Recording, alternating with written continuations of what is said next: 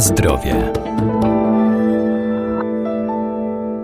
Jedzenie w odpowiednich ilościach i proporcjach oraz aktywność to podstawa do zachowania zdrowia. Jednak ważne jest nie tylko co zjadamy, jak często i w jakich ilościach, ale też jakość tych posiłków. Najlepiej ograniczać spożywanie soli i cukru oraz unikać smażenia.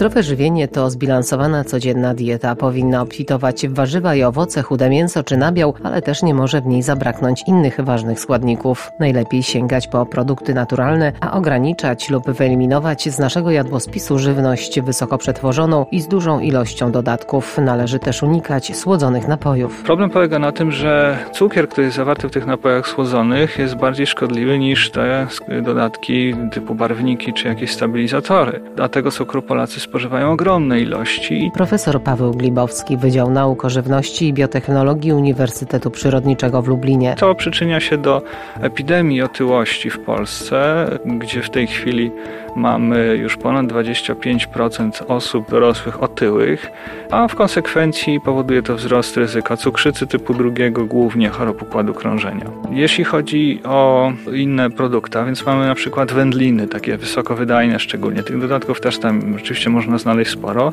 ale tutaj y, bardziej zwrócił uwagę na szkodliwość soli, która y, jest zawarta w takich wędlinach, również na ilość mięsa, którą spożywamy w Polsce, niż na poszczególne te dodatki. Bo na przykład Instytut Żywności Żywienia w Warszawie zaleca, żeby nie spożywać więcej jak pół kilograma mięsa i wędlin tygodniowo. Przynajmniej w Polsce w tej chwili spożywa się półtora kilograma to w długim okresie będzie niestety zwiększało ryzyko chorób, rozwinięcie ryzyko chorób układu krążenia, ale również niektórych nowotworów, dlatego że badania pokazują, że zwiększone spożycie mięsa, zwłaszcza czerwonego, jest związane ze zwiększonym ryzykiem występowania nowotworów okrężnicy choćby. Soli w Polsce spożywa się też bardzo dużo. Maksymalna ilość, którą powinniśmy spożywać to jest 6 gramów. W Polsce przeciętna kobieta spożywa 9, przeciętny mężczyzna 12 gramów soli dziennie a w konsekwencji mamy na przykład 10 milionów osób z nadciśnieniem,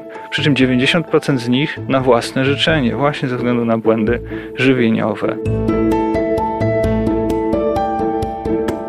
Na zdrowie.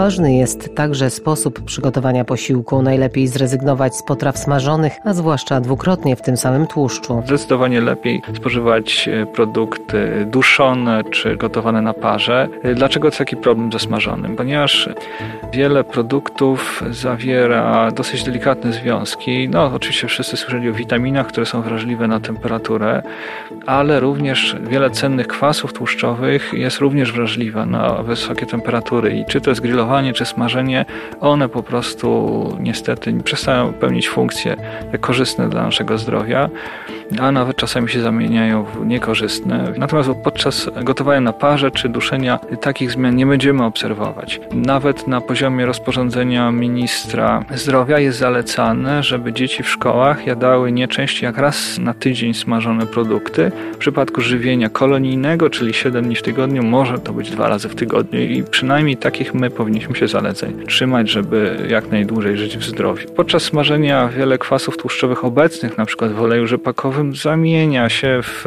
w niekorzystne dla nas kwasy trans, które działają szkodliwe, a już broń Boże, żeby używać ten sam tłuszcz dwa razy, tylko jednokrotnie używamy tłuszczu do smażenia.